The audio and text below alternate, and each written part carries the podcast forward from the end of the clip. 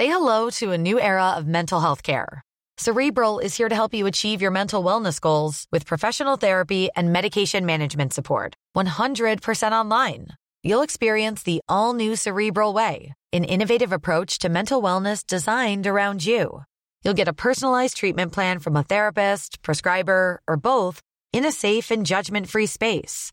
Your cerebral therapist or prescriber will outline a customized plan with clear milestones along the way so you can get to feeling your best. With Cerebral, you're not alone in your mental health journey. We're here to empower you to live a fulfilling life. So take that first step towards a brighter future and sign up today at cerebral.com slash podcast and use code ACasts to get 15% off your first month. Offer only valid on monthly plans. Other exclusions may apply. Offer ends July 31st, 2024. See site for details.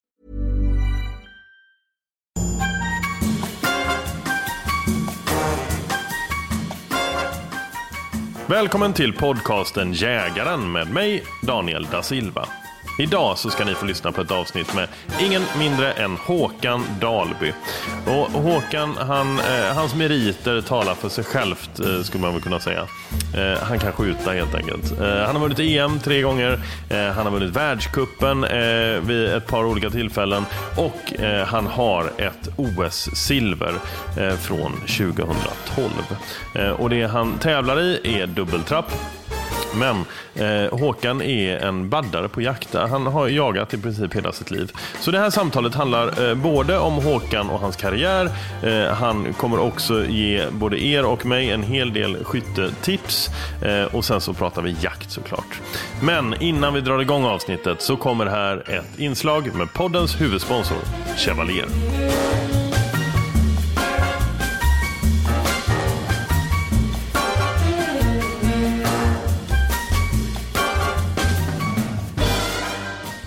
Superfint. Ja, ja, för er som lyssnar här nu då så kan jag berätta att eh, återigen så sitter jag med Kalle eh, och eh, nu ska vi prata om Breton.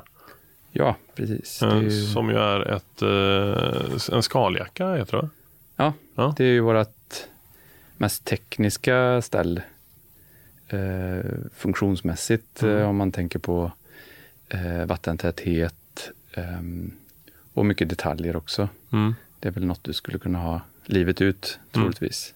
Om du sköter och vårdar det. Mm. Och, och det här är ju, för det, det finns ju ingen värdering i detta överhuvudtaget. Eh, men eh, det är ett eh, Gore-Tex-tyg va? Ja, men precis. Det är Mm. ett eh, trelagerstyg som man kallar det. Det är ju Ja, vad är det? Det håller alla på att prata om. Ja, det är ju ett... Du, du tar egentligen tre tyger och eh, binder ihop dem. Mhm. Så att du har i det här fallet ett yttertyg som är väldigt tåligt men ändå har en lite lätt borstad yta för att kunna göra det lite mjukare än många andra. Mm. Och sen lägger man ett membran emellan Mm. eh, och det är den vattentäta barriären då. Mm. Och en trikå på insidan som gör att du eh, får en finare känsla mot kroppen egentligen. Mm. Eh, och gör även att tyget blir starkare i slutändan. Du klistrar ihop tre saker. återigen så här, gediget, fickor överallt. Eh, som du säger, det här känns som ett, eh, ett ställ som man kan ha hela livet. Jo, men det är, ofta när man gör sådana här ställ så tänker man ju på att du ska kunna vara så flexibel som möjligt. Mm. Du ska kunna lägga lager under när det är kallt Mm. och ventilera ut värme när det är varmt. Mm. Eh, Och du kan ju bli varm av att gå eller att det är varmt från klimatet Mm. utifrån. När, när började du tänka och designa på eh, det här stället? eh, två år sedan ungefär. Ska det är så. säga. Ja. Så att, eh, ja, men det är en lång utvecklingstid Mm. på allt sånt här. Eh, speciellt med tanke på hur, hur ja, klädindustrin ser ut idag. Mm. Ja. ja, men häftigt. Eh, tusen tack. Vi, vi kommer prata mer i kommande avsnitt. Ja, Ja, tack så mycket. Kalle.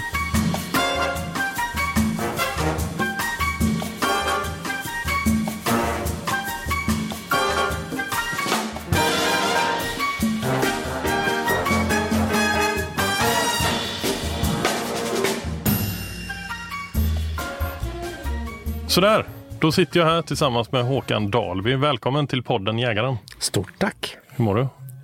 Mycket bra. Härligt. Ja, jag har fått en trevlig, trevlig mycket god öl. Eller hur? Sitter här och sippar på denna. Jag tycker vi eh, Skål. tar en skål. skål. Tack.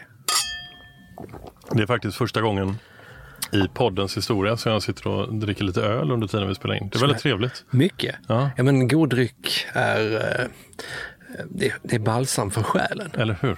Ja, nej, det här känns jättebra. Vi just nu sitter i ett lite sån här skönt bås, en poddstudio på ett hotell. Precis, Eh. mitt i Stockholm. Ja visst. Och det är liksom puls utanför men här inne är det helt tyst. Bra dunka-dunka. Ja, det är underbart. Vi pratade om det också. Du är gammal DJ och jag också. Eh, Men du har liksom varit på lite en annan nivå kan man säga. Nej, alltså det, det hade bara tillfälligheter. Men när man jobbar, jag jobbade sju, åtta år på EMI. Då fick man massor med chanser både att producera klubbmusik men också då att få tillfälle att eh, DJa med lite speciella DJs. Så att jag är ja, lyckligt lottad. Det är coolt. Men det är ju ingen DJ-podd. Nej, Eh, inte Så alls. vi ska prata jakt och självklart skytte. Ja, Eh, för eh, alltså när man, när man går igenom, jag, jag har ju vetat innan att du är väldigt duktig och självklart så känner jag till då ditt OS-silver eh, från 2012 i London. Eh, Eh, men inför den här podden så har jag liksom försökt läsa på lite grann och din meritlista är helt sinnessjuk. Eh, alltså det, det, den, den slutar ju liksom aldrig och det har pågått under så många år. Eh, och bara för att nämna någonting då så Guld EM 2003, 2004, 2012. Eh, vunnit i SS World Cup Final 2005 och 2008. Eh, etta på världsrankingen 2006, 2007. Och sen, 2008 också. 2008 också. Ja. Ja. Det var etta i, i, i världen inför OS i Peking. Dina meriter är, helt, det är ju helt sinnessjukt. Ja. Och, så vi måste prata lite grann om detta såklart, eh, om, om din karriär. Mm. Eh, och sen så vill jag att du bjussar mig och lyssnarna på så mycket skyttetips som du bara kan såklart. Fast det kostar ju. Ja, jag vet, men, det, men vi, vi, vi får hitta någon lösning. Ja, vi får ta en till öl eller någonting. Absolut. Eh, eh, och sen så vill vi prata jakt också. Ja. Eh, för du jagar ju jättemycket. Mm. Och har gjort sen du var, eh, sen du var liten egentligen. Ja, absolut. Mm. Så, så vi har massor att prata om. Trevligt. Men jag tänkte att vi skulle börja lite grann och prata om eh, din karriär. Mm. Eh, och, eh, ja, vi kan väl börja med OS-silvret. Ska vi bara, bara hoppa rakt in i det?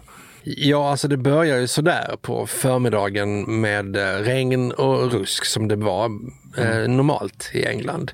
Eh, motvind, inte perfekta förhållanden. Eh, men det var det inte för alla. Eh, så alla hade lite problem någon gång under dagen. Och ehm, eh, jag bet ihop och sköt bästa serien egentligen sista rundan och sen fick jag um, våra vänta på hur de andra hade skjutit och när allting var färdigt så hade jag ju då gått till final. Eh, och är man bara i final, ja men då kan ju allting hända. Hur, hur många i en final? För det är ju dubbeltrapp då. Precis, dubbeltrapp. Det var sex personer. Eh, 17 kvotplatser som tar sig till OS. 15 av dem kan vinna. Det var 23 skyttar eh, och då är det för att man kan dubblera. Vissa trappskyttar skjuter dubbeltrapp också.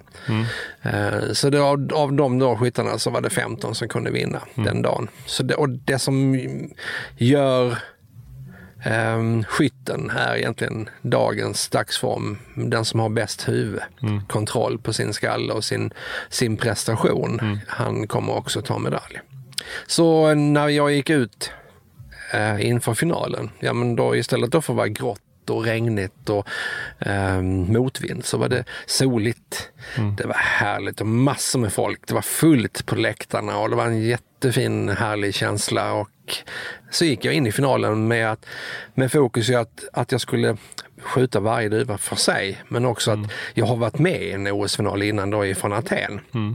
Och det var bara jag och eh, Fahida Aldehani som hade varit med i final. Och alla andra såg jag ju på att de var jättenervösa. Men Peter Wilson han höll ihop, även om han gjorde en dubbelbom där i slutet så jag, det gick inte och eh, rå på honom så att jag blev tvåa. Och jag är jätteglad ju naturligtvis att gå från femte plats. Så att jag förlorade inget guld utan jag vann ett silver. För du sköt väl bäst i finalen också? va? 49, jag bommade en duva på platta fyra näst sista rundan, näst sista varvet. Men den hade inte räckt va? Nej. Nej. Nej. Det är, också, det är lite skönt på något sätt.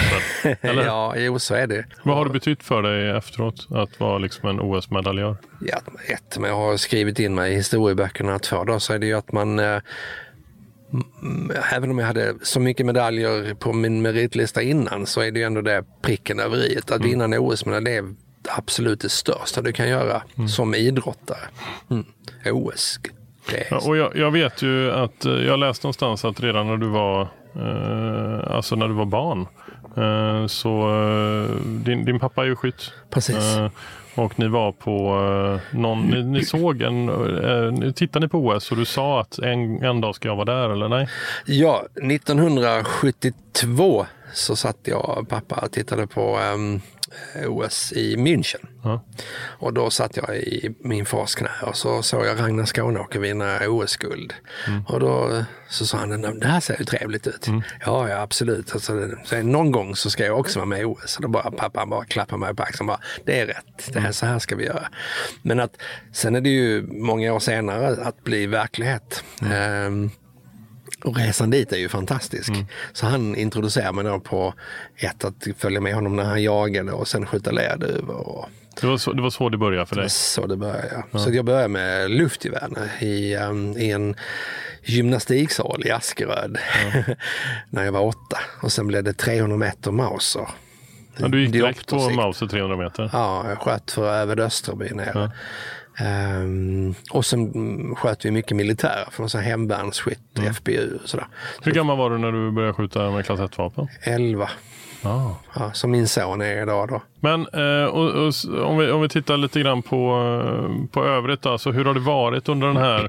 Vi behöver liksom inte gå in någon tävling för tävling för då blir den här podden extremt lång. Men eh, jag menar tre, eh, eller det är egentligen inte tre EM-guld för du vann ju guld i lag också 2004 eller? Ja, alltså, precis. Och samma år så tog jag ju, 2004 så vann jag ju EM-guld och både individuellt och lag. Och sen har jag ju massa silver och brons i EM. Ehm, och vunnit som sagt världs, eh, världscupfinalen två gånger silver. Så det, och det är samma skyttar som ett OS. Så det är ett mini-OS då.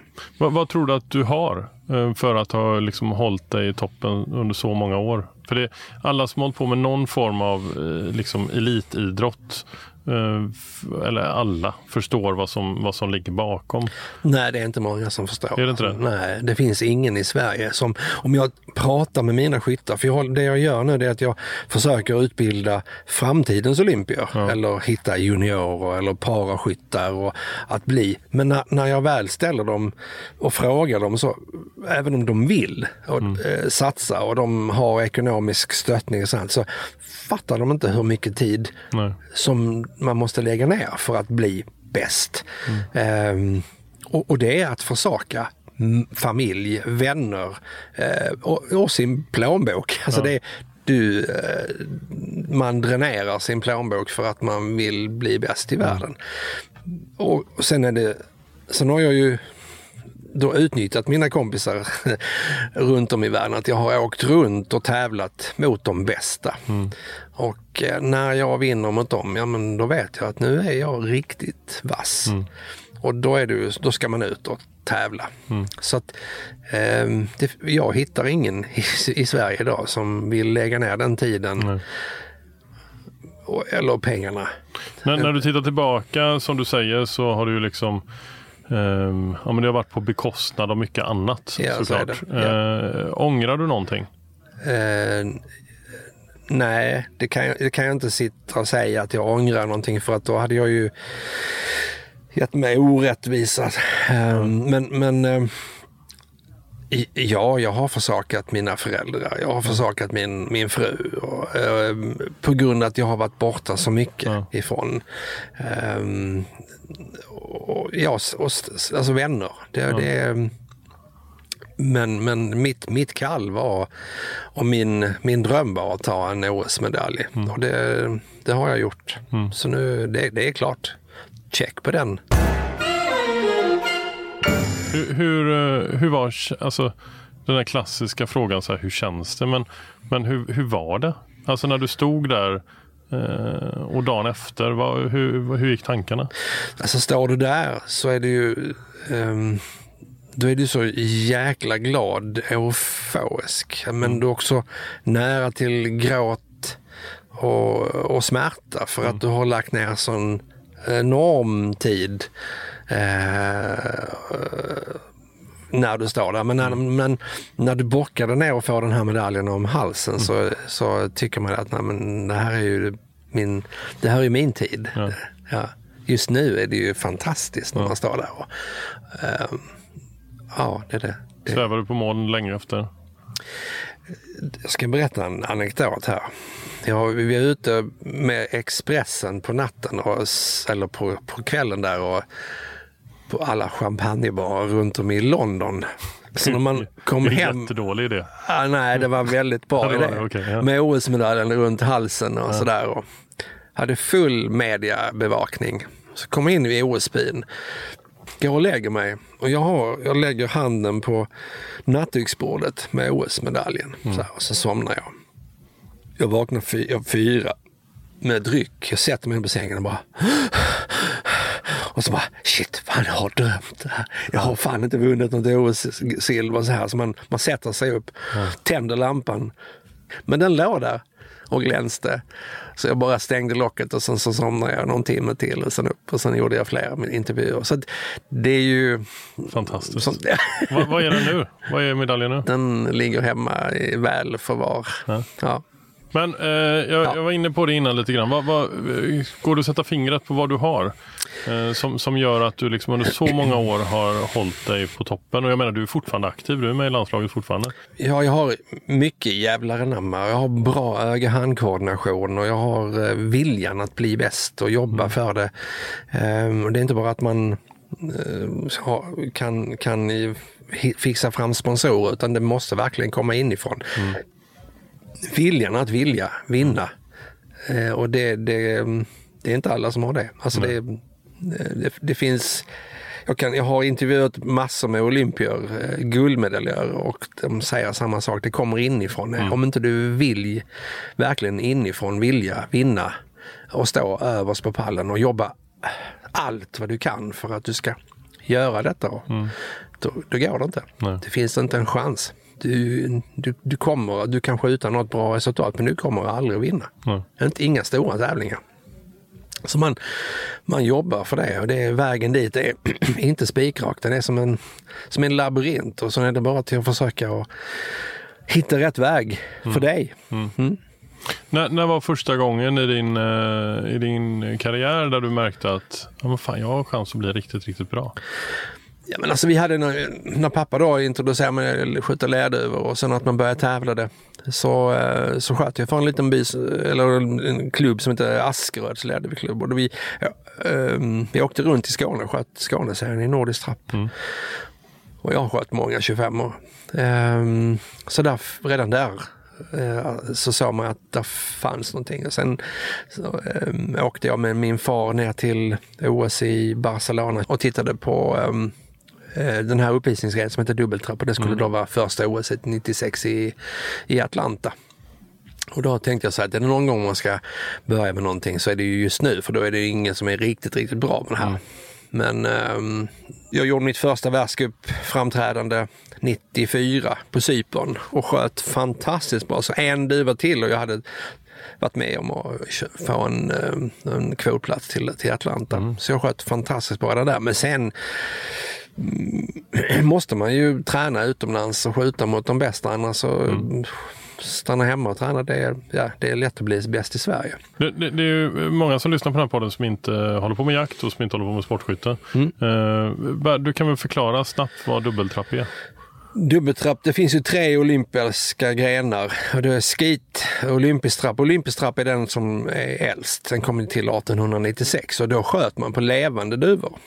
Och sen blev det glaskulor, glaskulor med fjädrar och sen kom det en duva, då, en lerduva. Och så var den då svartvit. Så när OS i Stockholm 1912, då var den första OS där man sköt på en vitsvart duva. Många år senare blev den orange.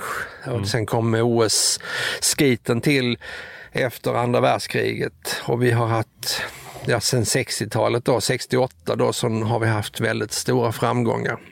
Sverige är trea i världen eh, i medaljligan fortfarande. Jaha, under, och i skytte. Redan på 60-talet och 70-talet så var vi väldigt stora i skit i Sverige. 80 hade vi också Ludvigsson eller vad han hette. Och sen, eller Karlsson. Och sen ehm, Pia Hansen då, ju Jonas Edman, Ragnar Skanåker. Mm. Men då måste jag passa på att eh, nämna Nathalie Larsson eh, som är en jätteduktig skidskytt. Jag har intervjuat henne. Mm. Eh, så för, för er som inte har lyssnat på det avsnittet, det är säsong ett. Jag tror det är ett av de första avsnitten där. Så pratar jag med Nathalie som är superduktig. Hon blev fyra i Peking och mm. sköt fantastiskt bra. Hon har vunnit många EM-guld och ja. så här. Så att också så här riktigt talangfull skytt. Men jag, tänkte att vi ska, vi ska uh, prata lite jakt. Mm. Um, uh, skytte, skytte kommer vi tillbaka till, uh, tänkte jag. för jag vill verkligen liksom prata om, om teknik och liknande. Men jaktmässigt då? var det ungefär i samma veva när, du, när du fick upp ögonen för jakt? Eller? Det var ju pappa jag gick med som klappjakt. Då. Ja. Ehm, och mycket... var, var någonstans växte du upp?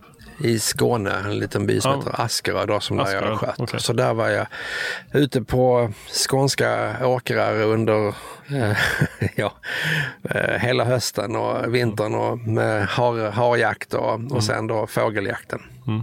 Så det är ju mm, det är där det kommer ifrån. Mm. Pappa då som hade alltid jakthund, Forster, så gick jag med den. Alltså. Mm. Så, så, ja. så pappa sköt och jag fick lära mig hur man skulle göra. Mm.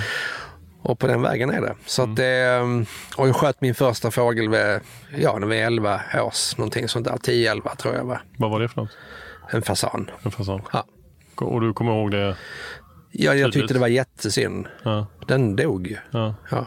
Och jag, många år senare, nu när jag har min egen son, så för ett tag sedan så var jag med min son nere på um, Hanenskogs slott och mm. sköt uh, änder. Mm. Det här vet inte min fru om. okay. Så han var med där och han fick också skjuta sin första and. Och samma reaktion mm. när, han, när den det var ju så intensivt när ja, den kom och jag visade hur han skulle skjuta. Mm. Eh, och han träffade den och sen den dog ju. Och han blev också så här i, förkrossad verkligen att han hade tagit livet av ett djur. Ja. ja men sen, hur, hur, har han jagat något mer sen dess? Nej. Är det sant? Nej, det är sant. Men tror du han kommer göra det då? Ja, ja, absolut. Jo, jo, men nu är det ju fotboll och en massa ja. andra saker. Men han har varit med annars och sett när du har fält djur? Han är uppväxt på en skjutbana. Ja. Han vet ja. allt om lerduveskytte. Ja. Nej, men det är klart, det är en väldigt speciell känsla. Det tror jag många känner oavsett om man är barn eller vuxen. Första viltet är något väldigt, väldigt speciellt. Och just det här att man eh, Eh, ja, men att man faktiskt har tagit livet av eh, en levande varelse. Ja, han har ätit upp den också. Ja, ja. Och mina, mina barn är ju sju och nio och de har båda varit med eh, på jakt. Min son har varit med mer. Och jag tycker att det är så underbart, jag har sagt det på den innan, men att, att barnen får vara med, att de har intresse för det och att de får en förståelse för ja. hur det faktiskt funkar och var mat kommer ifrån. Ja. Eh, för, kanske inte just liksom kråkor och kajer, men att äta vilt hemma och barnen vet var det har kommit ifrån och kanske till och med varit med, eh, tycker jag är väldigt fint att de får lära sig. Absolut, men min fru säger också att det är fullt av kråkor i frysen. Ja, ja. Ja. Men hon är en frysbox full nu. Ja men alltså det är ju det är inte kråkor, det är ju rapphöns och det Aha, är okay, fasaner och det ja, är jag kråkor. Och en andbröst och så här, men det är inte kråkor. Alltså. Nej. Nej. Nej. Fiskpinnarna ligga någon annanstans. vad, vad skulle du vilja säga? Jag frågar alla mina äh, gäster varför de jagar. Vad, vad, vad var det för dig som när du var ung som fick dig att känna att det här vill jag hålla på med? Nej, det är som, det som du sa, det är att man kan ta hem mat till, till familjen. Mm. Eh, och att, eh, så att frysboxen alltid är full av godsaker. Mm. Så det är eh, att det började mycket med fågel och sen blev det mycket rådjur och det blev hjort och sådär. Jag har mm. faktiskt aldrig skjutit en älg. Nej. Nej, det är det inte. Men allt annat har jag typ eh, fält. Men, men ehm, ingen älg. Alltså mm. det, det, min största eh, driv är egentligen att, att kunna skjuta kontrollerat och utnyttja min teknik. Mm. Att, att kunna fälla fåglar på alla sorters avstånd. Mm. Mm. Hur, hur, är det, jag menar under den här perioden när du tävlade som allra mest, eh, som är en ganska lång period, men om vi säger liksom hela 2000-talet egentligen. Eh, hur, eh, hur mycket tid fanns det för jakt? Ja, alltså vi var ju ute, vi slutade ju aldrig skjuta under säsongen då. Nej. Utan, ehm, och det går inte. Vill du tillhöra världseliten så måste du träna hela tiden. Nej. Så ehm, man bara vävde in äh, jakt Ja. Eh, när man kom hem ifrån träningsläger eller tävlingar. För världscupfinalen gick oftast i oktober. Mm. Eh, ja, sen åkte du på träningsläger i november, december. Så att du, så fort du kom hem, jag tyckte alltid, har alltid tyckt att det har varit för tidigt att jaga änder eller fasan redan i september. Mm. För de, de flyger inte så bra. De, de, då ska jag jaga dem när de kommer längre in i november, december. Där, då, då, ty, då flyger de bättre. De är hård, mer hårdskjutna. Mm. Uh, rapphöns, absolut. Ja, du, du, alltså, du vill det för att det ska bli en svårare, svårare helt enkelt? Ja, ja. de flyger högre ja. Uh, och snabbare. Ja. En, en nyutsatt and eller en ung and flyger inte så fort. Nej. Nej. Så, um, men kommer du, skjuter du i England på fasanjakten i januari, mm.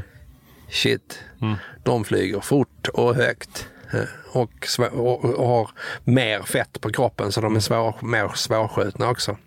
Va, vad skulle du säga, finns det något mer förutom just att liksom eh, fylla frysboxen? Eh, någonting annat som får dig liksom att vilja gå ut eh, och jaga? socialt Mm. Otroligt socialt eh, sätt att umgås. Och det är inte för att fälla massa djur eller döda massa djur utan det är den här sociala biten som man blir, jag tycker är väldigt trevligt. Mm. Eh, sen får man ju tycka vad man vill om att man går runt i vissa jakter på tweedknickers eller slips eller den biten. Men det tillhör den typen av jakt som jag håller på med. Jag älskar det. Jag, jag också. Ja. Jag tycker det är väldigt trevligt. Ja. Eh, så lite av det är att man, man umgås, har trevligt, man äter gott, eh, eh, ljuger för varandra. Mm. om hur stora fåglar man har skjutit på olika längder. Så, så det, det, det är det man... Ja, och sen att man får då eh, tillfälle att, att välja sin fågel. Och det är inte att du skjuter mängder utan du skjuter rätt fågel på mm. rätt höjd som du klarar av. Mm. Eller vill klara av. Men släpper du fåglar som, eh, där du inte känner att det finns en match? Alltså när det är för... Nej, jag skjuter inte en fågel under 35 meter. Är det så? Ja, du skjuter sönder dem. Det blir ingenting kvar, du kan inte äta dem. Det är bara fullt med hagel. Ja. Även om vissa har, de flesta går rakt igenom, men du skjuter sönder dem. Och ja. det är inte kul att, att, att, att äta en sån eller att öppna och skära ut brösten för dem, mm. de är sönderskjutna. Mm. Att presentera det sen, för jag älskar att laga mat. Mm. Eh, du vill inte visa den biten kött när du ska lägga den på tallriken sen. Men jag tror att många, många tycker nog att det är ganska svårt att avgöra avstånd till fåglar. Så är det ju, men du, när du kommer ut och skjuter eh, så ser du hur höga träden är. Och mm. Visst är det öppna marker på rapphönsjakt och sånt här, men mm. ja, det, det kommer med erfarenhet och rutin. Det här avsnittet är även sponsrat av JG Jakt. Och JG det är en sån där eh, riktig jaktbutik. Alla som jobbar där håller på med jakt. Kunskapen är, är helt grym. Eh, man kan komma in och ha vilken fråga som helst. Vet de inte direkt så tar de reda på svaret. Och utbudet är också helt grymt. Vapen, kläder, tillbehör, allting som man behöver inom jakt. Det finns på JG. Och just nu så kör de ju också en liten, eh, ja, men liten, eh, liten fin grej till alla er som lyssnar. Eh, Eh, för det är ju eh, så att ibland behöver man faktiskt eh, byta bössa. Och, eller så har man ingen bössa och precis har börjat jaga. Och då tycker jag man ska vända sig till JG för de har ett jättefint paket med en Tikka T3X Lite olika sikten beroende på var man vill lägga sig i prisklass. Och eh, är det så att man då uppger att man lyssnar på podden, Jägaren, ja men då får man en dämpare med på köpet. Så är det så att du är ute efter en ny bössa och ett sikte, ja men hör av er till JG så får ni en dämpare med på köpet.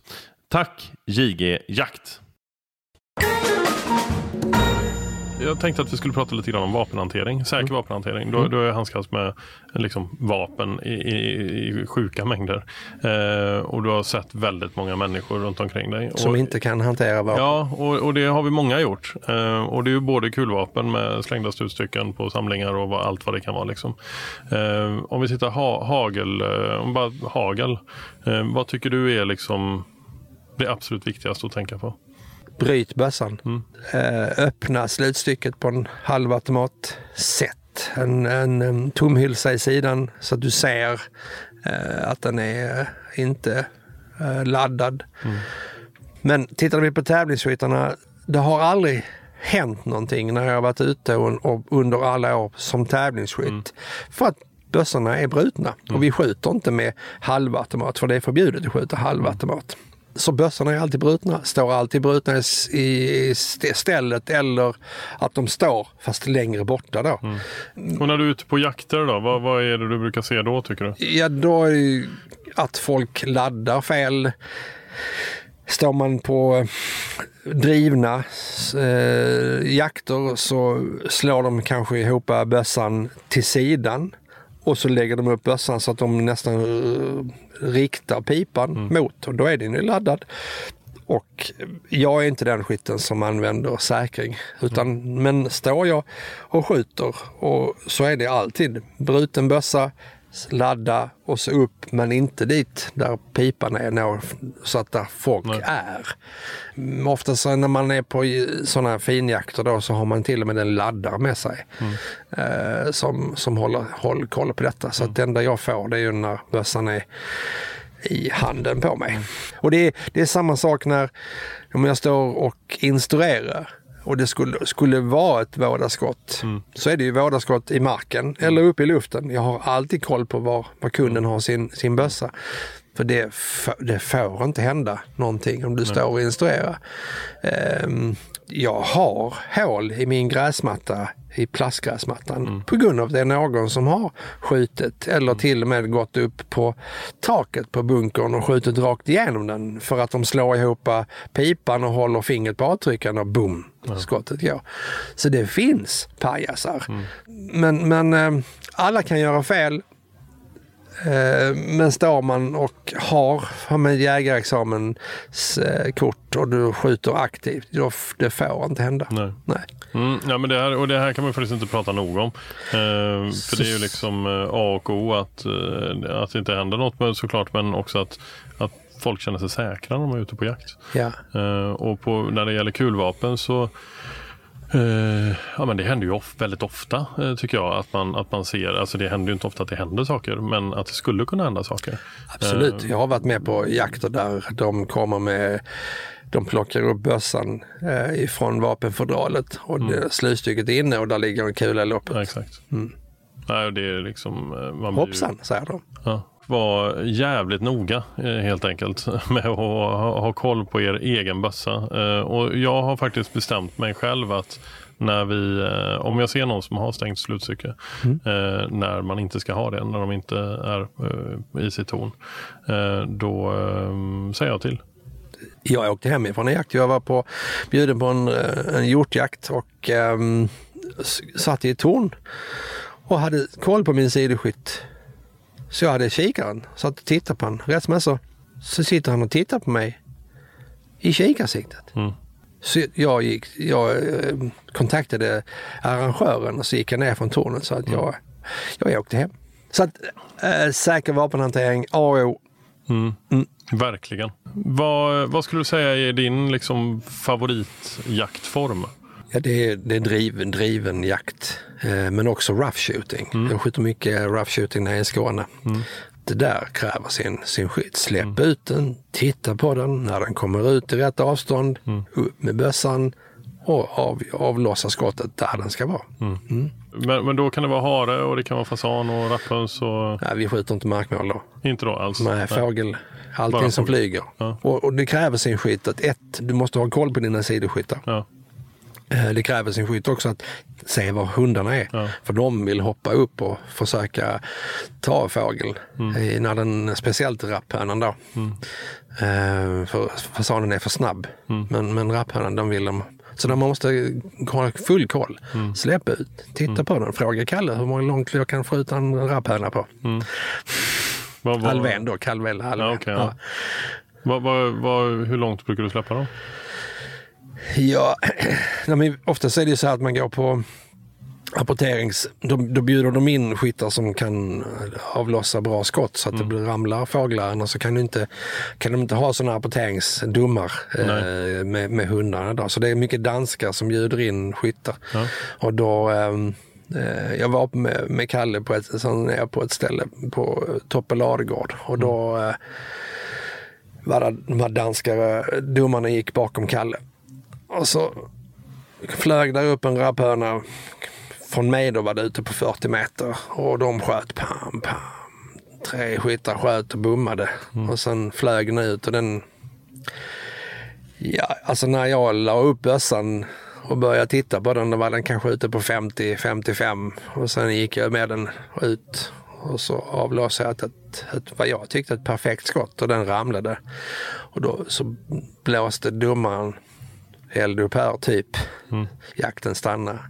Så stannade allihopa och så gick han ut med en avståndsmätare och sen siktade han på mig. Alltså då, då låg den på, vad han sa, 78 meter.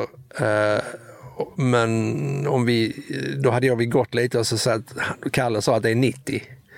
Så jag, jag hade avlossat skottet kanske på, på 76 meter och den ramlade på längre borta. Så att Vad, vad hade du för, minst vad du hade för hagel? och För, full, full 42 gram. Nej, det var så. ja. Men det går att fälla.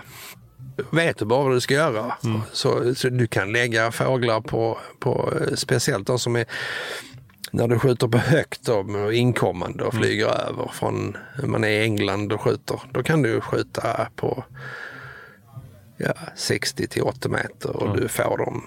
Men det är inte att rekommendera, men det går att skjuta på sådana. Att, men att skjuta perfekta skott, ehm, så absolut 70 meter. På jakter, i, framförallt i England då, så finns det inga fåglar under 50 meter. Nej. Inga.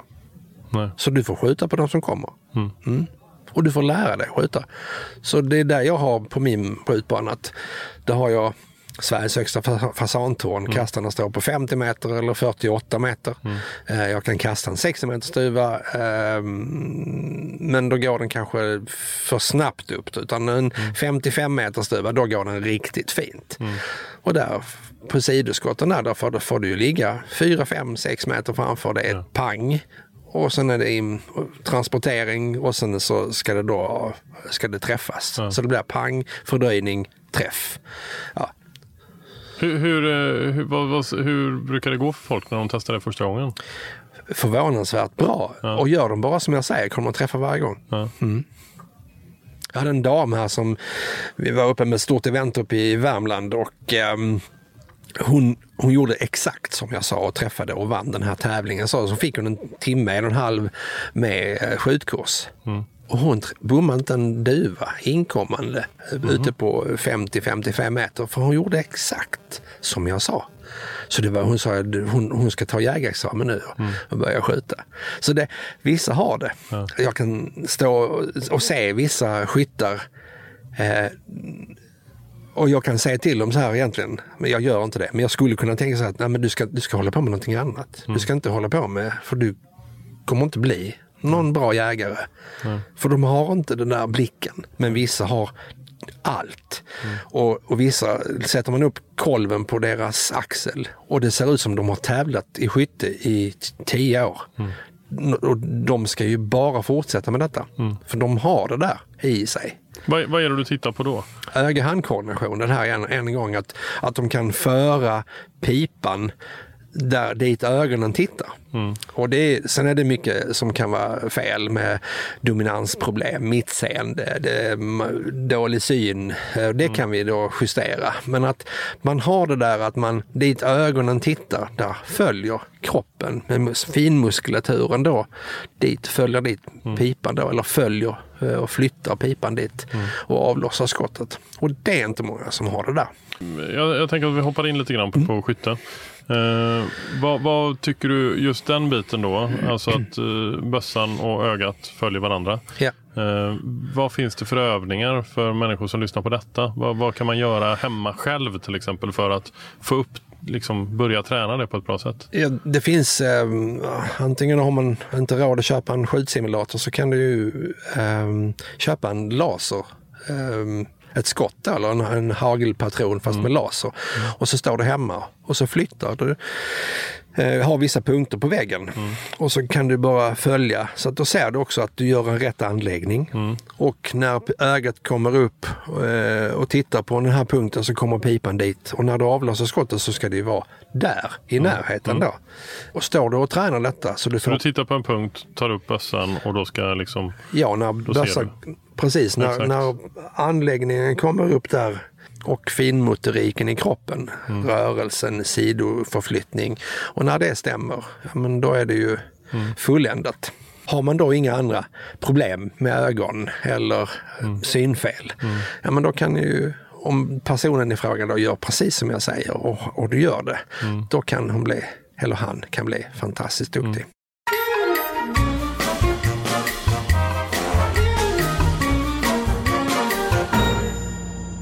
Vad, vad, skulle du säga är de största pusselbitarna eh, inom skytte för att kunna bli eh, duktig? Har man öga-hand-koordination, de här eh, finmotorik och att kunna flytta eh, kontroll på kroppen, mm. eh, då kan det bli hur bra som helst. Sen, sen det, det kvittar, du behöver inte ha en Perazzi för 150 000 kronor. Mm. Du kan börja med en bössa för 10-15 000 kronor mm. begagnat. Och sen börjar man därifrån då att bygga eh, skyt, skyttetekniskt. Va, vad skulle du säga om eh, är de vanligaste felen som folk gör? Anläggning, lyfter på huvudet. Och eh, berätta om anläggning. Vad, vad är... Ett, det, det, är lite helt beroende på det jag gör då när, jag, när kunden kommer till mig så gör de en anläggning mm. mot mig med bössan. Och så får man se. Och 99 procent av bössorna, beroende på vad de skjuter för någonting. Jag säger också, ska du ställa in en bössa efter jakt? Ska du ställa in bössa efter olympisk trapp eller sporting eller vad du nu håller på med? Mm. Så är de oftast felinställda. Mm. Är de aktiva tävlingsskyttar, ja men då är det rätt. Mm. Eller finjustering. Mm. Eh, och då kommer det mest tekniska grejer. Men oftast en jägare som kommer som har köpt en bössa eh, hos en butik. Ett bössan är felinställd. Alternativt den är, det är helt fel bössa mm. för personen. Eh, och det händer. Alltså det mm. kommer kunder med bössor som har köpt en blaser för 100-200 000. Jättefin. Och så ska de då börja skjuta. Så lägger de upp bössan och så ligger de sidan om spången. Och det kvittar. Det finns inte en ställbar spång mm. eller ställbar kolv. Eh, och så säger och, och, vi testar allt hur, hur de ska göra anläggning. Mm. Så säger eh, bössan passar inte dig min herre. Mm. Ja men det gör den. Jag vet, jag har, eh, det sa de i butiken. Mm. Ja, fast det gör den inte. Mm. För kolven är ett kikarsikte på en kulbössa. Mm. mm. Eh, och, och, sen så eh, om du tittar på fler vanliga misstag. Att människan är nyfiken. Ja. Så när de släpper ut så vill ögat eh, eller huvudet vill lyfta från mm. kolven och titta på, på duvan. Så att det är varför du bommar duvan är ett, eh, för att antingen det ofta som lyfter på huvudet för att mm. de är nyfiken, två, att de tittar på kornet. Mm. Det är det som de är, så att man, de vill kontrollera. De vill inte riktigt tro på det jag säger, att man ska titta på framkanten på duvan eller att titta på underkanten på duvan eller, eller framför duvan. Mm. Lite beroende på avstånd och hastighet. Eh, nej, då vill de gå ut, de svingar upp bakom och när de kommer till duvan så vill de kontrollera. Vad händer då? Jo, de ögat går in och tittar på mm. kornet mm. eller på spången. Och då stannar pipan eller skjuter bakom eller saktar ner och skjuter bakom dem. Där tror jag många känner igen sig, bland annat jag. Jag vet att jag har en tendens att sikta ja. eh, när, jag, när jag skjuter med hagel. När man blir äldre också så är, är inte ögat så elastiskt så det tar längre tid för att ställa om ögat på avståndsbedömning, ljusförhållande och då vill den oftast gå in på pipan och titta på, på mm. korn. Och när man hör det så känner man sig, men gud det är ju bara så jag ska göra och nu ska jag iväg och träna och ta lektioner och sådär. Men, så. Och så kommer så mycket annat emellan. Ja, det är det jag säger när vi står på skjutbanan. Då. För oftast de här klubbarna som eh, där, där folk är medlemmar i oftast då eh, knyt, knutna till Jägarförbundet eller mm. Riksjägarna. Eh, och när de säger att Nej, men du, vi håller inte på med, med tävlingsskytte. Mm. Nej, hur tränar ni då?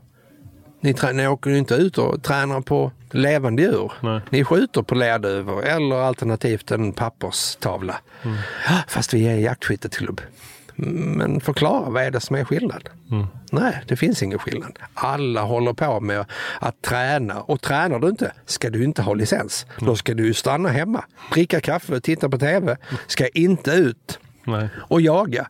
Du ska vara rädd om, om djuret för det är ett, ett levande väsen. Stoppar du skott i pipan och du avlossar det skottet så ska det skottet vara dödande. Och du ska, har man då hagelbössa och du skulle då skamskjuta det här djuret, ja men då ska andra skottet eller andra pipan vara definitivt ett dödande skott. Har du liksom tävlingsinstinkten i dig när du eh, jagar fågel också? På samma sätt? Nej, det är inte tävling. Nej. Utan det är ju, där har du ju det här med att skjuta, skjuta bra skott. Däremot så kan vi ju eh, stå tillsammans med vissa skyttar och se vem som kan skjuta högst och längst avstånd och träffa. Eh, och, och göra det bra. Men du måste också, ehm, för att bli bättre skytt så måste du våga tänja på din, eh, din kunskap då och din nivå. Annars blir du inte bättre. Nej. Men du ska inte göra det på levande fåglar. Du ska Nej. göra det på lerduvor. Mm. Eller vad du nu skjuter på.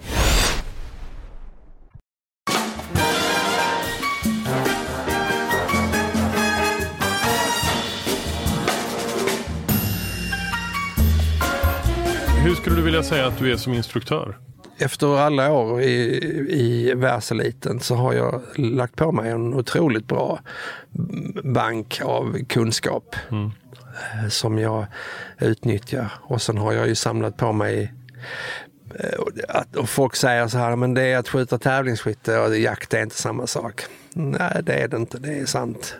Men har du lärt dig att skjuta och kan den tekniska biten och själv håller på med jaktskytte så blir man jävligt duktig. Jag tycker att jag är en, en em, helt okej instruktör. När du är ute och jagar, eh, som du nämnde så finns det lite olika tekniker. Ja. Follow through och pull away och liknande. Precis. Eh, varierar du beroende på situation? Eller har du din, ditt sätt, grundsätt? Nej, utan det är lite vad man kommer. Är det uppflog till exempel då eller stående hund, ja då flyger fågel upp behöver du inte gå upp bakom. Du kan ju gå upp rakt framför. Då går det ju upp en, då går det ju konstant lead eller konstant framförhållning upp på fågel.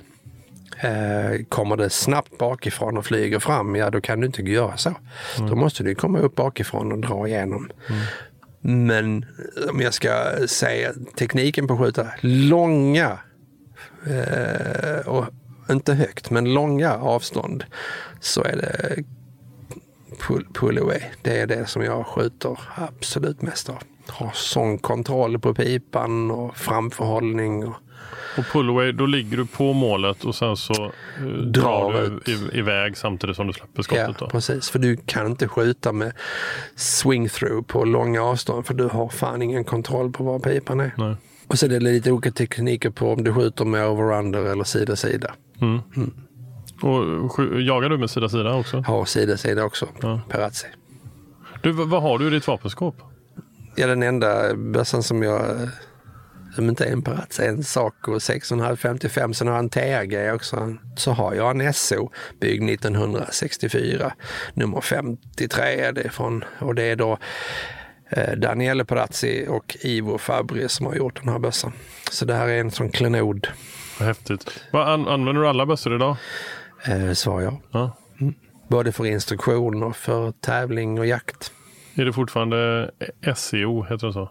Nej, jag skjuter inte tävling med SO nu, utan Nej. då skjuter jag med en high-tech. Jag, Men är SEO fortfarande liksom favoriten? alltså det är ju en vacker bössa. Ja. Det, så är det ju. Men min favoritbössa är ändå min, min MX 2008. Det är en, en fantastisk bössa som jag har vunnit massor med medaljer på. Eh, Och min SO är också en, byggd på den samma typ av låda. Hur, eh, det, blir, det, blir en hel tim, det blir en hel del timmar vapenvård kan jag tänka mig för dig. Nej, Inte?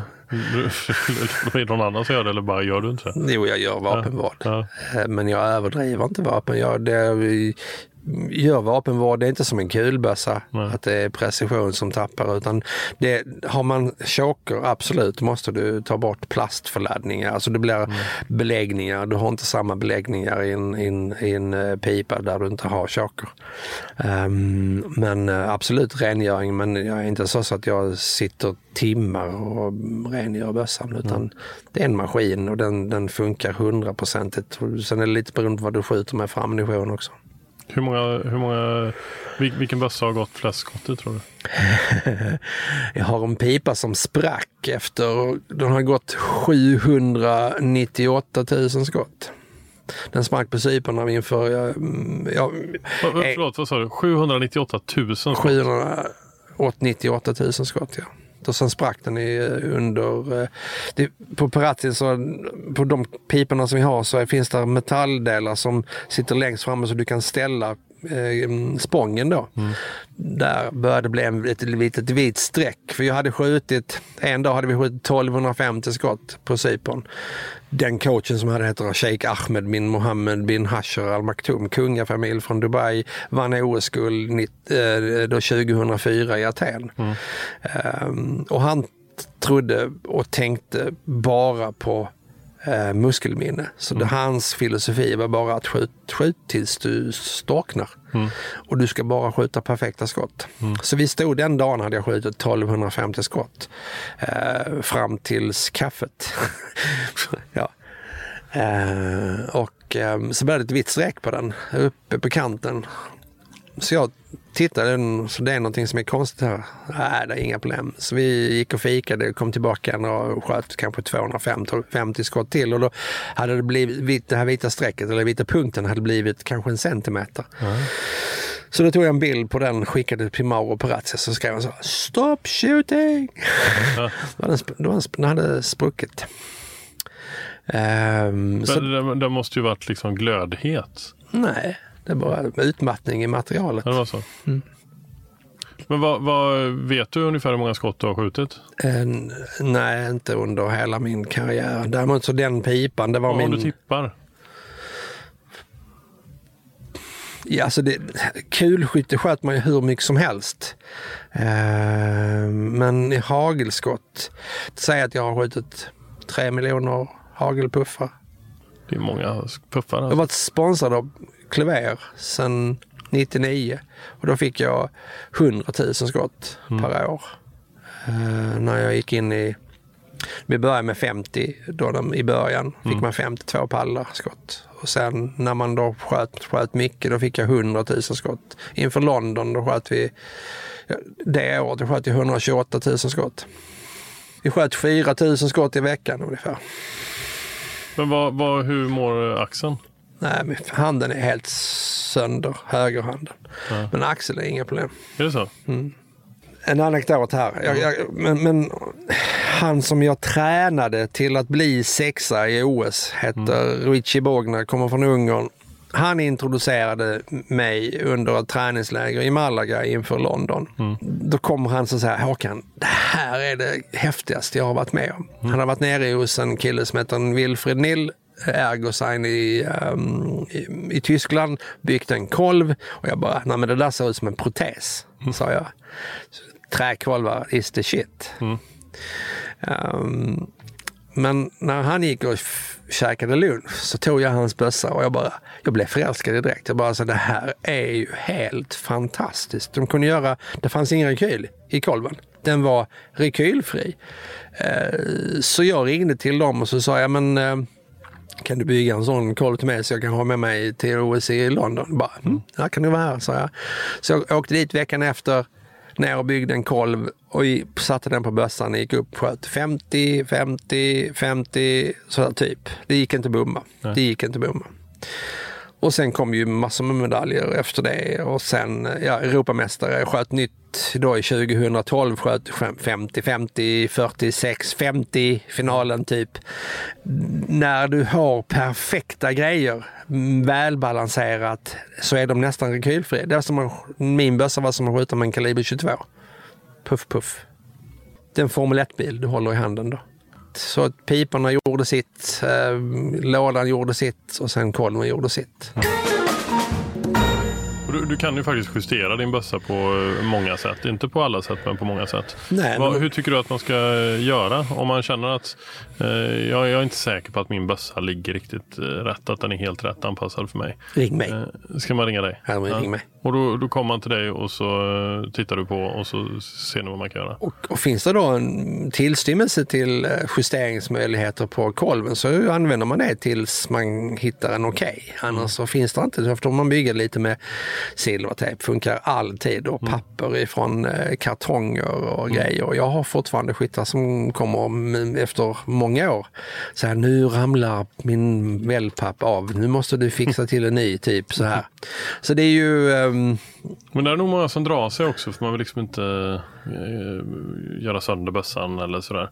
Men eh, jag, jag har en ny bössa nu, en eh, Browning eh, 725. ja,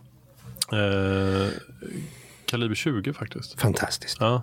Eh, de retar mig på skjutbanan varje gång. Varför det? Eh, nej men de tycker att jag har en eh, knallpulver, Ja. knallpulverpistol och sådär. Men jag älskar den. Men jag skjuter inte jättebra med den än. Nej. Jag har en Binelli också, eh, halvauto. Okej. Som jag brukar ha, liksom svartfågeljakt och liknande. Ja. Eh, och den skjuter jag faktiskt bättre med. Eh, men jag skulle vilja eh, gå till ett proffs, jag kanske ska gå till dig.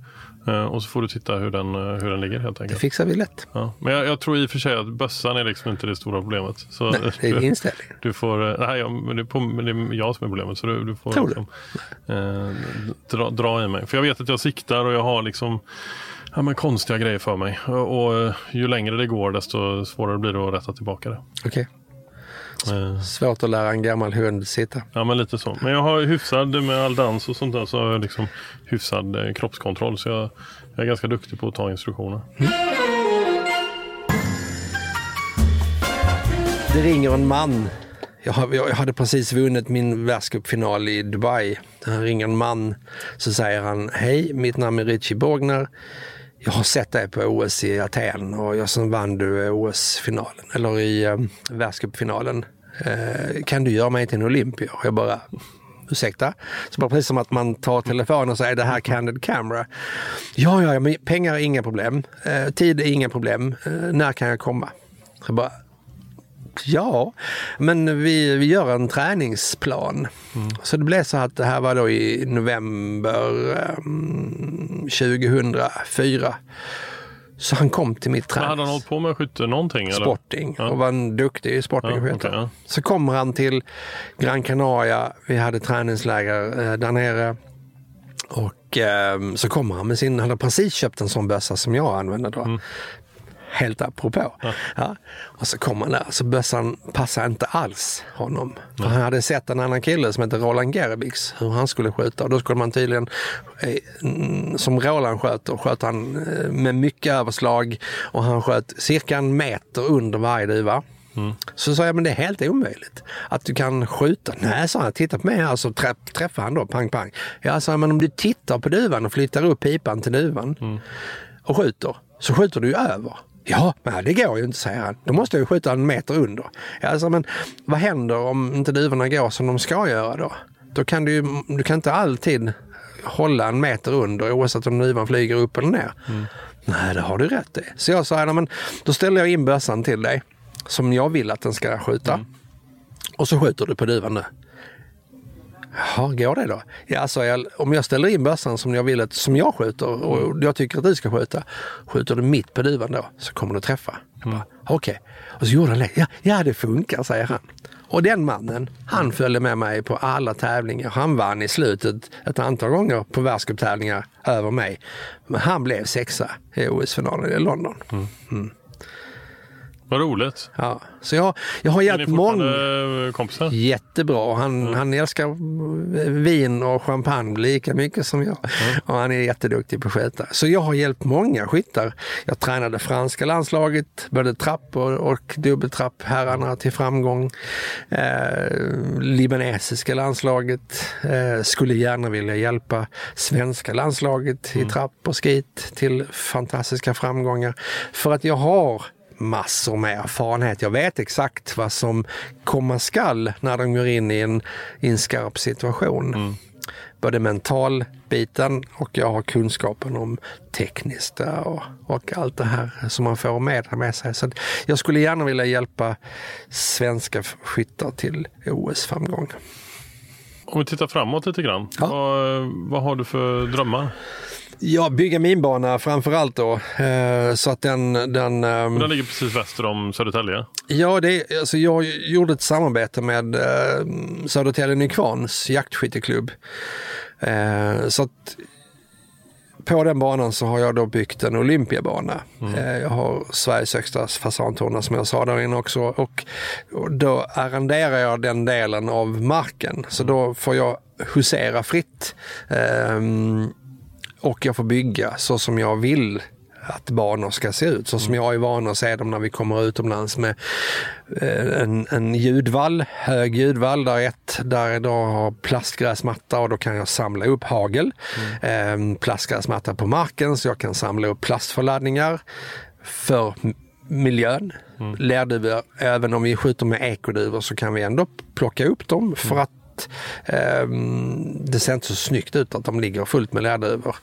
Eh, så att vi tar bort ljud, vi tar bort plast, vi tar bort lerduvor. Eh, och så är den otroligt fin bana, vacker att titta på. Och det ska vara välkomnande när man kommer till en skjutbana. Så är det när vi kommer utomlands. Då är maten lagad, kaffet är kokande, alla kas- kastarna är laddade. Det är bara för dig att stoppa in ett kreditkort i din, din eh, i datorn när man kommer från till banan och så säger hej Håkan Dahlby, välkommen hit, vad vill du skjuta? Så trycker man då, okej, olympisk trapp. Klart! Och så går man ut och så pangar man. Så ska en skjutbana fungera. Så funkar det inte riktigt i Sverige, men jag vill att det ska funka så. Det är en uh, härlig dröm. Tänk om. Ja. Tänk om. Men du är på väg. Ja, jag tycker att jag har en jättefin, jag har Sveriges absolut finaste bana. Eh, tycker jag. Och många där till. Så och nu, nu finns det ju jättefina banor, Skokloster runt Stockholm, Rosersberg och sånt där. Men, men att man, eh, det finns ingen bana som har allt, vilket jag har. Jag har olympiska delen och jag har en sportingdel, jag har en fantastisk jaktdel. Så du kan ju skjuta allt och vi har fina kulbanor på våra banor. Vi har två stycken digitala 22-banor och sån. Så du är, det är en komplett jättefin sportinganläggning um, som bara har sporting då. Men jag kan bygga vad du vill eh, för vilken typ av jakt. Vill du jaga rapphöna eller ripa eller höga fasaner, anddrev eller bara skjuta sporting eller olympisk trapp så har du allt där. Har du ett OS till i dig tror du? Eh, nej. Nej. Jo, ja, fast mm, nej. Nej. Jag skulle vilja skjuta olympisk trapp eh, OS, men det kommer aldrig hända. Nej. Vet, jag, tittar vi på åldern, det är bara en siffra. Det har ingenting med, med skyttet att göra. Du, du får bara mer erfarenhet. Men realistiskt så tror jag inte det kommer att hända på grund av att jag vet hur mycket tid jag behöver lägga ner. Jag vet hur mycket pengar som behövs eh, och ehm, Pengar kan vi säkert få fram med sponsorer men tiden räcker inte till. Nej. Och jag vill inte försaka hellre min sons uppväxt. Jag vill följa med honom och se han växa upp och bli en vacker man. Eh, så, och är erfaren framför allt. Men, men eh, jag skulle vilja hjälpa, som jag har sagt, andra att förverkliga sin dröm. För det är få förunnat att, att stå på en medaljceremoni och bocka nacken framåt och få en OS-medalj runt halsen. Det är inte många. Ett, det är inte många som kommer till OS. Två, är, är försvinnande lite människor som får vara med och vinna en OS-medalj. Så kan jag bara hjälpa till att förverkliga detta så har jag ju blivit jätteglad och få, få, alltså få fram min dröm att få andra att få känna samma sak. Fint. Mm. Eh, tack snälla Håkan för att du vill vara med i podden. Tack så mycket. Eh, och för att du eh, ja, men berättar både anekdoter och massa tips och, eh, och, ja, och berättelser från egna erfarenheter helt enkelt. Ja, och så komma ut och så skjut och ha kul. För det är därför vi gör. Man, man blir medlem i en skytteklubb och sen så är vi ju där för att vi älskar skytte. Ha kul. Och så behöver ni hjälp så ringer ni med ska jag hjälpa er. Världsklass. Tack Håkan. Tack så mycket. Och tusen tack till alla er som lyssnar. Är det så att ni vill höra av er till mig eh, så gör ni enklast det via Instagram där jag heter da Silva Hunting. Eh, vi eh, hörs nästa vecka för då är det torsdag igen och då är det ett nytt avsnitt. Så där håller vi på hela vägen fram till jul. Vi hörs om en vecka. Hej!